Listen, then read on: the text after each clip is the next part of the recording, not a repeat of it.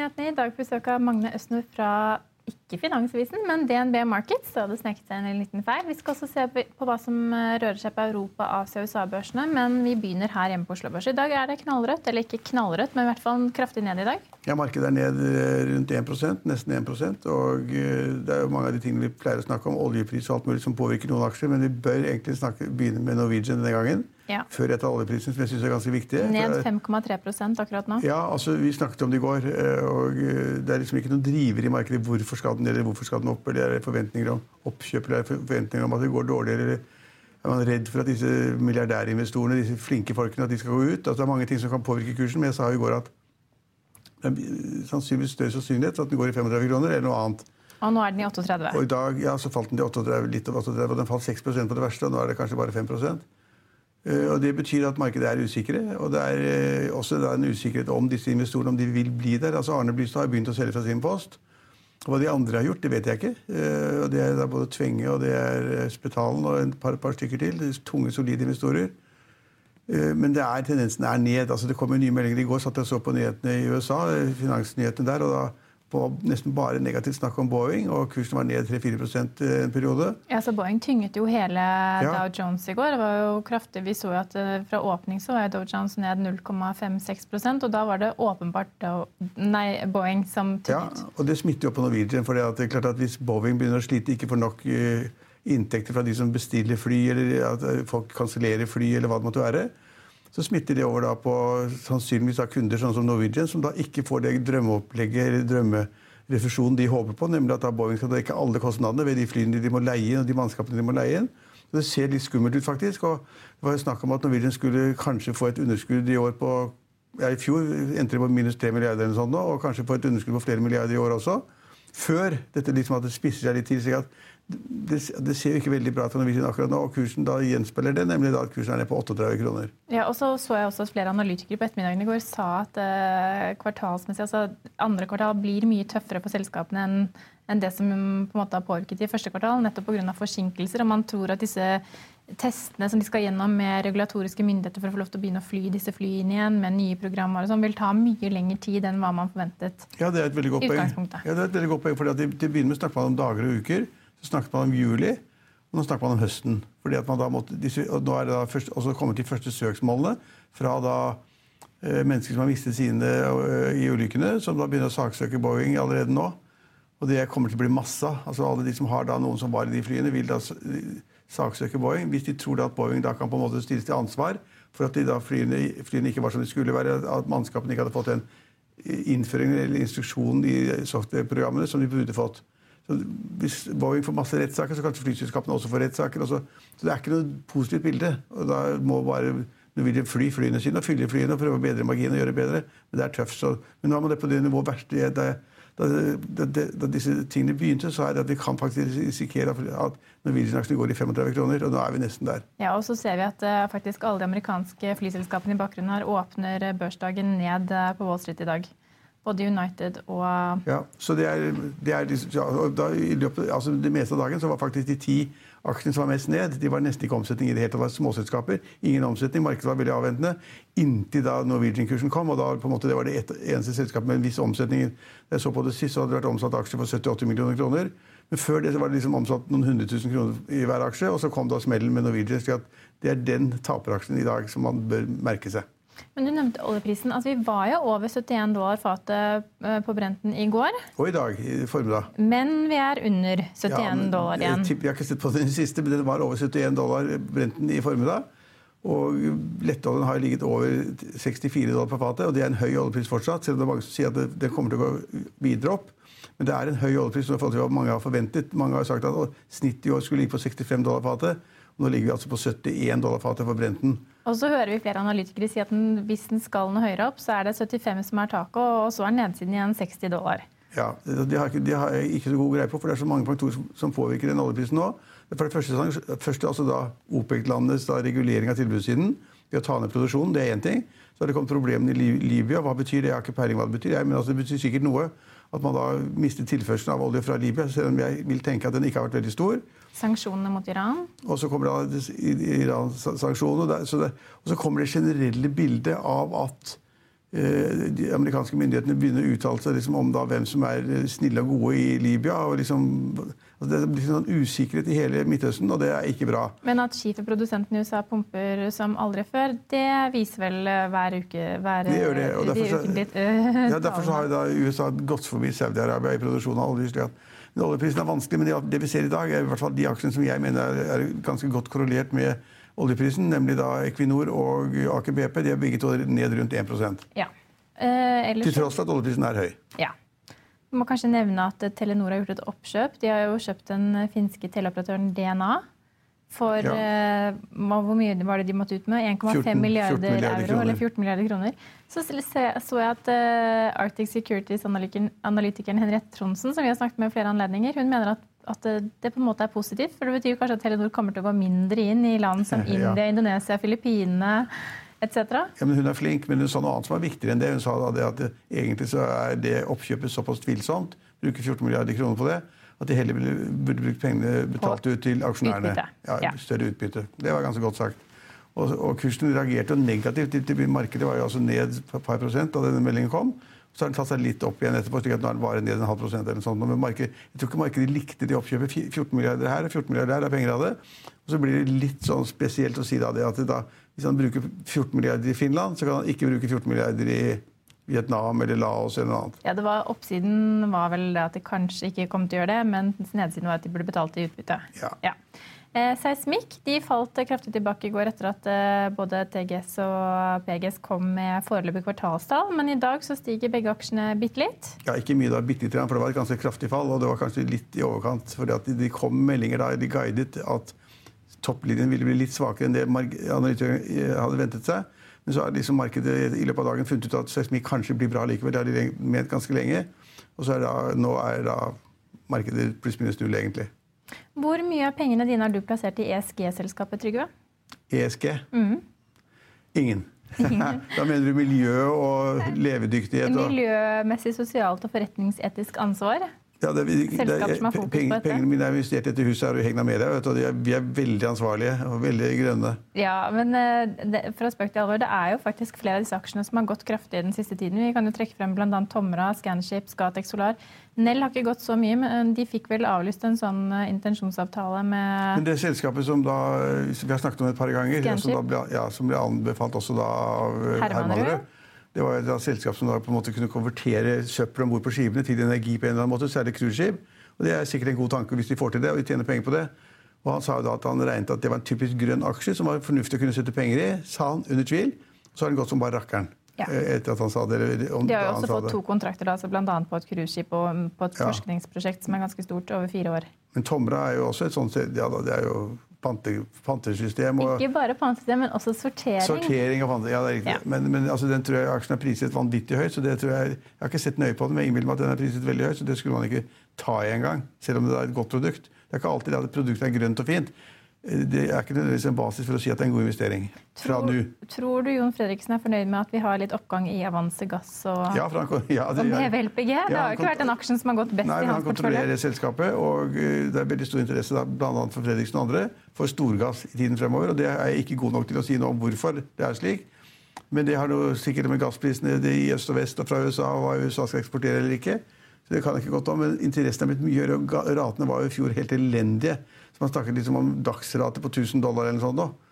Eh, og så plutselig så er det oppe i 30-40-50, det skal gå i 100 eller 200 000 dollar per dag. Så det er enorme forskjeller hvis det de slår til. Ja, og så kan vi jo ta med at Dolphin Drilling har fått en 94-dagers kontrakt på en av uh, en av riggene sine i den britiske delen av Nordsjøen. Og det, det var ikke veldig lenge, da. Nei, men aksjen steg litt, litt på det. Ja. Nasdaq og Dow Jones, eh, altså de amerikanske børsene har jo åpnet bak oss, og de åpner ned. Men uh, før børsåpning så var de bare 1,9 og 1,8% under tidligere all time high. Ja.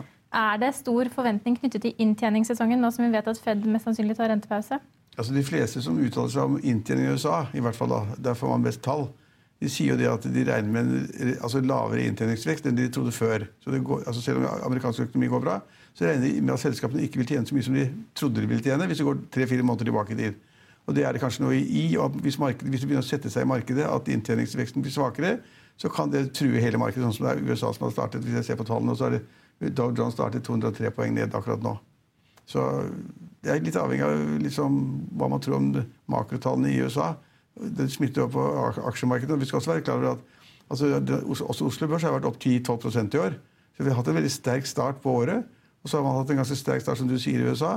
Men så er det veldig mange som tror at vi står foran et ganske skummelt liksom, makrobilde både i Europa og USA, unntatt Norge. Det skal vi høre eksperten som mer om. Alt går bra i Norge, vet du. Alt går bra i Norge. Ja. At, eh, da har vi straks med oss valutastrateg i DNB Markets, Magne Østner. Men vi tar med oss oljeprisen. Den er nå akkurat nå 70,73 dollar, ned 0,19 Dagsomsetning på Oslo Børs er 2,7 milliarder kroner.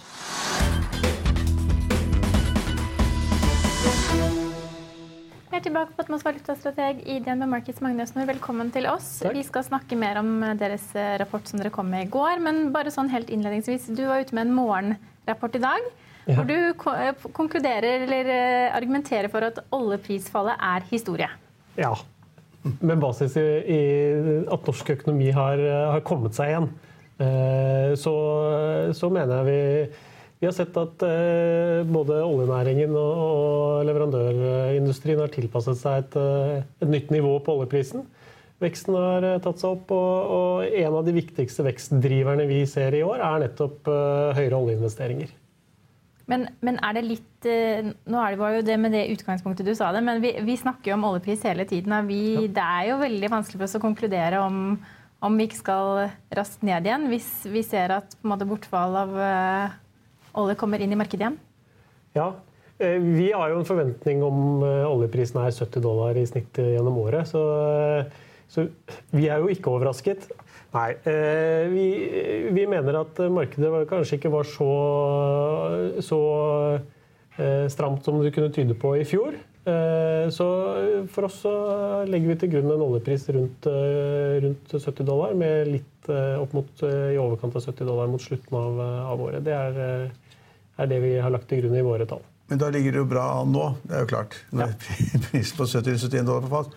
Men altså, hvis OPEC mot formodning jeg sier bare hvis, hvis de skulle oppheve da, reguleringen av markedet, så rammer de oljeprisen, selvfølgelig. Det er Uansett hva dere mener. Det er klart, det. Eh, men, men, vi har jo gjort dette med, med forutsetning om at OPEC leverer, leverer, brorparten av de kuttene de har lovet. Og kanskje de strammer til også. Det går rykter også om at de er veldig flinke. De ligger i forkant og tar, men det vet man jo ikke. Ja, nå, nå, De prøvde jo å ligge i forkant i fjor. Eh, det fungerte ikke så veldig bra. Eh, så vår forventning er at de heller vil ligge i etterkant, og det var en av grunnene til at de avlyste eh, det oppsatte møtet nå i første kvartal. Mm. At de venter med, med, med møtet til, til, nærmere sommeren. Så når oljeprisen da ligger på 71 dollar per fat og letteoljen ligger på 64, så er alt bare bra? For da vil oljeselskapene kjøpe tjenester, og leverandørindustrien vokser. og du sier at veksten i olje- og gassinvesteringene øker? og det gjør vel det da? Det er klart, eh, Oljeinvesteringsveksten i år handler jo også om at, eh, om at det har vært funnet mer. Mm. Eh, og det, det, det, ligger jo enda, det ligger noen år tilbake i tid. Eh, så vi venter jo at oljeinvesteringene, eller i hvert fall veksten i oljeinvesteringene skal avta noe fremover. Eh, fordi funnene så langt ikke, ikke tilsier at mm. oljeinvesteringene skal betydelig opp. Men veksten i oljeinvesteringene kompenserer for den der nedgangen man eventuelt har i bygg og anlegg? Ja, men vi har, vi, nå legger vi til grunn 13% vekst i oljeinvesteringene. Det er mye, det. Det er masse. Mm. Men da bringer det oss jo over til denne makrorapporten som dere kom med i går, økonomiske utsikter, hvor dere faktisk eh, konkluderer med at uh, norsk økonomi går mye bedre enn ventet. Hvor bra går det? Ja, Det skyldes jo særlig at det har gått bedre enn ventet. Det er det er en av de viktigste grunnene til at vi jo tar opp vekstanslaget. I'll see you in court. Vi sier det ofte litt på spøk, men for deg som driver business, er det aldri moro å innse at du ikke har laget en 100 gyldig kontrakt. Du bør ikke risikere hele firmaet ditt fordi du synes dette med kontrakter er litt stress. En avtale er ikke en avtale. Du kan miste kunder, miste venner, ja, til og med miste inntekter om du ikke lager en skikkelig kontrakt, på alt mulig, egentlig. Men vi vet det er et styr, kopimaskiner, tregprinter og haugevis av papir. Dessuten stoler vi jo på folk her i landet. Det er ofte litt kleint å skulle be om en signatur for alt mulig, ja, for mye av styret handler også om jakten på underskriften. Det finnes en enkel måte å løse dette på, Dukkobit, en trygg, effektiv og get this, gratis måte å sikre seg en god natts søvn pluss en juridisk bindende avtale. Dukkobit-appen har de strengeste sikkerhetskrav i bunn, samt en EU-godkjent og sertifisert teknologi. Framover vil det bli behagelig å spørre du, skal vi skrive under på det, eller? Kom i gang på dokobit.no. For, eh, for 2019. Eh, farten inn i, i 20, 2019 var mer, bedre enn vi, enn vi, hadde regnet med. Eh, så, eh, og vi ser jo egentlig for oss at det, det fortsatt skal gå bra. Forbruket var litt svakt mot slutten av fjoråret med, med høyere, høye strømpriser. Eh, men nå kom, virker som lønnsveksten blir litt bedre. Inflasjonen er på vei ned. Da er reallønnsveksten på vei opp. og det sammen med at ledigheten fortsatt tikker eh, litt eh, nedover, ja, det støtter opp under konsumet. Men BNP-veksten i februar var negativ, minus 0,3% ja. Noen syntes det var kjempeskummelt? Ja. Eh, nå har ikke jeg sett så nøye på disse detaljene. og Det er klart, Disse månedlige, månedlige, månedlige BNP-tallene fra SSB er jo en statistikk vi ikke har hatt med oss så veldig lenge. Eh, og, og, når vi vet hvor mye de svinger de kvartalsmessige tallene, så, så pleier vi å være litt varsomme når vi tolker Fordi det var oppe i januar? BNP var en vekst i januar, så var det fall i februar? Ja, men det var særlig desember som var sterkt. Ja. Eh, sånn at eh, vi, vi, vil få et svakt førstekvartalstall hvis, eh, hvis ikke veksten tar seg opp igjen i mars. Hva blir BNP-veksten på årsbasis? 2,6-2,7% eller hva? Ja, litt, vi har rett i underkant. Det er omtrent i, lag, i tråd med Norges Bank på, på 2, rett under 2,5. 2,4. Og dere konkluderer med at vi også må vente oss flere rentehevinger, mens eh, dere tror på uendret rente i juni. Flere rentehevinger? Ja, det hører mer om. Ja, altså uendret, uendret i juni, men opp i september og mars. September i år og mars neste år, ja. ja. Det er riktig. Eh, Norges Bank er jo satt seg fore å heve renten. Eh, og med det bildet vi tegner, så syns vi det også virker eh, rimelig. Veksten er over trend, så kapasitetsutviklingen stiger. Ledigheten er nær det vi mener er normalt. Eh, og enn så lenge så ser vi ikke tydelige tegn til at det som skjer internasjonalt, påvirker norsk økonomi veldig mye. Usikkerheten ligger der selvfølgelig. Eh, men, men, med det bildet så syns vi det er rimelig at uh, også Norges Bank uh, hever renten. Men hvis, men hvis jeg er enig i resonnementet, men altså hvis da alle land, Europa og USA begynner å senke renten fordi det er så på stor usikkerhet at de, har renten ned, ja. kan da Norge være det eneste landet i Europa som setter renten opp? Ja, Dette er jo scenarioanalyse. Men det er klart det er mye tyngre hvis de andre Nå er andre sentralbankene på hold. Ja, det er på hold. På avventende. Men hvis USA setter renten ned mot da alle deg og andre eksperter som i et helt år har sagt at de skal heve tre-fire ganger i året ja. Hvis jeg plutselig skulle få en rentefall, altså Fed setter renten ned nå, da smitter det over til andre steder også, tipper jeg. Utvilsomt. Ja, og Det er jo spådd svakere vekst i eurosonen, som mest sannsynlig sikkert ikke vil gi noe insentiv for at den europeiske sentralbanken skal sette opp renten der med det første. De har jo også Nei. sagt at de vil holde den Nettopp. lav og uendret. Ja. Og det virker for oss eh, rimelig. Det er eh, den vekstoppbremsingen vi så i annet halvår i fjor, har jo vært eh, mer langvarig enn vi og mange med oss så for seg. Eh, og det er jo lett å tenke at det ikke da bare skyldes midlertidige faktorer som, eh, som nye utslippskrav i bilindustrien og lav vannstand i Rhinen og hva, vi, hva man nå har lest om. Eh, så vi venter jo at veksten i, i, i eurosonen blir veldig svak eh, i år. Eh, bedringen i arbeidsmarkedet virker å kunne være i ferd med å bremse opp. Og da er det ikke noe tegn til at inflasjonen heller skal tilta. Så med en kjerneinflasjon godt under inflasjonsmålet, så er det lite som tyder på at ECB skal stramme inn i pengepolitikken med det første. Snarere tvert imot. Man diskuterer jo heller om de vil gi seg selv muligheten for å sette renten ytterligere ved å, eh, ved å dele opp eh, hvordan de håndterer bankenes reserver og gi noe høyere rente. Men Skjønner du da at det kan være veldig vanskelig for folk å forstå at med liksom resten av verden på hold, og kanskje til og med utsikter mot, med å sette ned renten, at Norge da skal kjøre på med eget løp og sette opp? Ja, Som en liten åpen økonomi så har vi ofte tenkt at vi er som duppen på havet. ja. Uh, nå skal det sies at vi er jo det sammen med Sverige. Mm. For vi, har, vi, venter jo at også Riksbanken skal heve renten fremover. Men de kommer jo fra et lavere rentenivå enn oss? Det er helt riktig. De kommer fra minus 0,4? Ja. Og i Norge har 1 ja. Det er stor forskjell. Ja, og det har jo, det har jo sitt opphav i historien, og, og kanskje litt Eh, litt vilje til å bruke pengepolitikken Men, men, men sånn, grovt sett, altså, hvis, man hører hva, hvis man leser hva man leser, og hører hva man hører, og det du sier også, og Eline sier også, så det er jo altså, det har jo formodningen mot seg for at liksom, Norges Bank skal drive en særlig aggressiv renteøkning, gitt den usikkerheten som er rundt oss. Eh, nå legger vi ikke inn mer enn to rentehevinger heller. Men ikke to til? Én til? To til. To, to til både i juni og september? Nei, september og mars neste år. Ja, ja, neste år er neste år jeg tenker på i år, jeg. Ja, Bare én i år. Bare én i år, selvfølgelig. Men for å, innen det først, nærmeste året, da. Da er vi inne i mars neste år. Ja, ja, men Det blir ikke to til i år. for det var mange som trodde det en periode skulle to til i år. USA skulle heve tre ganger i år. Men det gjør jo ikke det. Nei, vi... det, har, eh, det har snudd brått. Det har snudd brått. Men hvis vi nå skulle få disse rentehevingene som dere spår, vil ikke norsk krone da, som egentlig vi har nytt veldig godt av at den har vært svak over lengre tid, styrke seg? Eh, ja, vi tror jo det vil være med å bidra til en noe sterkere krone. Men vi føler vi er veldig forsiktige. Vi har et anslag i Det må man jo nesten være hvis man skal spå kronen som har gått helt mot alle veier. Ja, det kan du si. Men vi, vi, har en rentedifferanse på toårsrenter nå på 160-170 basispunkter mot, mot Europa. Uh, leverer Norges Bank uh, to rentehevinger til, så er det rimelig at den skal ytterligere litt ut. For markedene priser ikke helt inn de to rentehevingene. Um, så vi skal jo ha en, en, en, en større rentedifferanse vil jo vanligvis bety en litt sterkere krone. Men hva, hva, hva ligger euroen på i dag?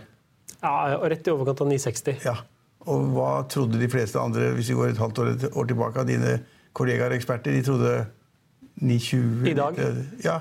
9,20, 9,30, 9,40? Ja, kanskje et konsensusestimat lå, lå der nede. Ja, de lå altfor lavt. Ja. Så, så, det er riktig det at, eh, at kronen det, det, vi, Kronen har jo vist seg å være veldig sensitiv for hva som skjer med risikosentimentet. Kanskje overraskende mye. for det at eh, korrelasjonen er, er, der, er ikke overraskende. Men, eh, men, at det har gått så mye de dagene hvor eh, stemningen har vært dårlig, det, det overrasker i hvert fall meg litt. Men Hva har dere f.eks. på seks måneders target på euro, dollar, pund nå, da? Ja, vi tror vi kan se noe høyere Vi har en ganske sideveis prognose i euro-dollar den nærmeste tiden. og det før vi tror vi har 1,16 på 12 måneder i euro-dollar. Eh, så det er jo noen prosent opp fra der vi handler i dag. Eh, og det går på at vi mener det er priset for mye negativt om eurosonen. Vi tror jo at veksten skal ta seg forsiktig opp. Vi tror ikke på noe veldig sterk gjeninnhenting. Men vi mener at selv litt, bare litt bedre nøkkeltall Eh, vil få frykten for det veldig svake utfallet til å avta. Eh, og at det, det bidrar til en litt sterkere, sterkere euro. Og kronen, i norske kroner, hva ser dere euroen og dollaren og pundet i om et halvt års tid? Ja, vi har, eh, vi har euro norske på 9,40 om tolv måneder. Mm. Og så har vi dollar norske rett over 10, nei, rett over 8. 8-10 ja. ca. Mm. på tolv måneder. Kun er det vanskeligere å spå. Følger dere med på brexit-forhandlingene fra dag til dag? Eh, ja, der er jo vanskelig å holde utholdenheten eh, oppe. Men eh, vi forsøker jo å få med oss i hvert fall det aller meste. Men det er klart her Dels er det ulike forhandlingsutspill, og dels skjer det mye hver eneste dag. Så vi har jo som et hovedscenario lagt til grunn at det blir en lang utsettelse. Ehm, det virker jo i hvert fall å være priset i markedet at sannsynligheten for eh, at det ikke blir noen avtale, eh, er ganske lav. Ja, ja, så Hvis det da ikke blir noen avtale og brexit, så vil jo pundkursen sannsynligvis falle. Og da er det ille for eh, britisk økonomi. Det vil, være, det vil være, brutalt. Ja. Så man får håpe da at det egentlig blir en sånn lang utsettelse. Seks måneder? Ja, eh, da, et år, eller? Ja. Blir det ikke Nå, avtale. Nå snakker vi om dager her, bare. Altså, Hvis det ikke blir noen avtale, hvis det blir en hard brexit og ikke noen avtale, ikke noen lure nye eh, forslag, så blir det jo ganske brutalt. Altså, det vil få store konsekvenser i Europa. Ja, og Det er jo derfor vi lander når vi diskuterer dette, på at det blir en avtale. For det dette er ikke bare negativt for, eh, for britene, det vil også påvirke, ja. påvirke, Europa, og det vil også påvirke oss. Kanskje, kanskje ikke kjøpe fisken vår engang? Ja, det er jo mange, det er mange trailere som kommer til å stå stille. to millioner trailere på grensene inn til Hvis avtalen blir uh... Ja. Altså, det er nesten rart at man nå er alle så avslappet og tror det kanskje at det blir en løsning. En, en langsiktig utsettelse av fristen osv. Fordi at alle tenker at det blir så ille hvis det skulle bli en hard brexit. At det skader alle. Så da må man tro at det blir en løsning. Paradokset her eh, får vel være at eh, det er jo nettopp løsningen om irskegrensen som er eh, det største stridstemaet. Og den løsningen er jo kommet på plass for å hindre at man skilles uten en avtale. En 12, 12 så at man forsøker å, å, demme opp for det, er jo med å øke risikoen for at det faktisk skjer. Ja. Man kan da, du, du råder jo valutakunder og sånn. Man kan jo ikke råde folk til å spekulere i pund nå. Fordi at utfallet den ene eller andre er jo helt umulig å, å fastslå. Dette er veldig binært. Ja. Altså, det er jo helt Man kan man ikke spekulere og investere i. Man må bare avvente hva som skjer. Nei, rådet får være å sikre. ja. Du, apropos råd, nå nærmer det seg påskeferie. og Trygve har ennå ikke bestemt hvor han skal legge påskeferien hen. Eh, det er jo det mest tabloide spørsmålet du pleier å få hos oss. Men ja. hvor skal man legge ferien basert på hva kronen står i akkurat nå? Ja, Det er, har jo mest å gjøre med prisnivå ja. Eh, å gjøre. Og da er det jo billigst å reise dit eh, konfliktnivået ofte er høyest. Eh, men om det blir en god ferie der eller ikke, det får, får andre vurdere. Ja, men Har vi noen eksempler på land? Jeg spurte deg før vi gikk live. Det er Svenskekronen står jo lavt i forhold til den norske kronen. Er det liksom gunstigere å dra til Sverige påsken enn til f.eks. Danmark og København?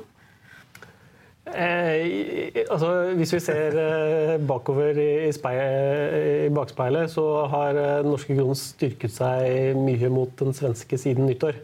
Eh, det er absolutt riktig. Så hvis, hvis, det er eh, det man sammenligner med, så får du mer for pengene nå enn du gjorde for eh, tre måneder siden. Du kan reise over grensen og kjøpe godteri ditt, Eline. Ja, og, og brusen og alt annet du kjøper der borte. Hva? Trenger ikke det, skjønner du. Jo, det er veldig men, billig men det kan hende at det er mange som det, Vi vet jo erfaringsmessig at det er mange nordmenn som tar turen til ja, de, de over svenskegrensen ja, de kommer bedre, de kommer bedre ut. De får mer godteri enn de fikk for noen måneder siden. Men tror de får mer du det er brus, mange som... får mer øl, og de får mer kylling. Hva heter det for kylling? Kyllingvinger? Filet? Filet.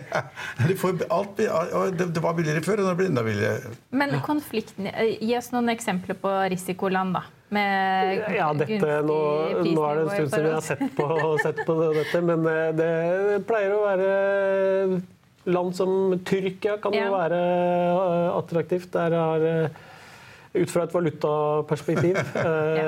Men også land som Ukraina eller Venezuela. Venezuela. Ja. Ja. ja. Det blir litt lang reise på deg, Trygve, men vi får se hvor du ender opp i påsken. Jeg reiser til Frankrike, tenker jeg. Ja.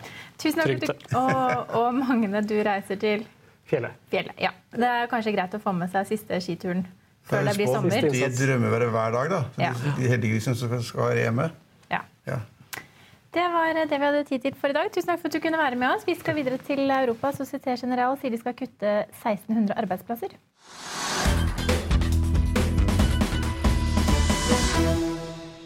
Finansavisen i morgen kan du lese Trygve Hegnars leder om at kulturminister Trine Skei Grande vil sensurere TV-reklame for pengespill sendt fra utlandet, og at Finansko-forvalter Kjetil Gregersen anbefaler kjøp av Tomra, Scatec Solar og Scanship. Vi skal også høre, eller lese at byggevarekonsernet EA Smith vokser kraftig. Det var alt vi hadde for i dag. Vi er tilbake i morgen klokken 15.30. Følg med oss igjen da.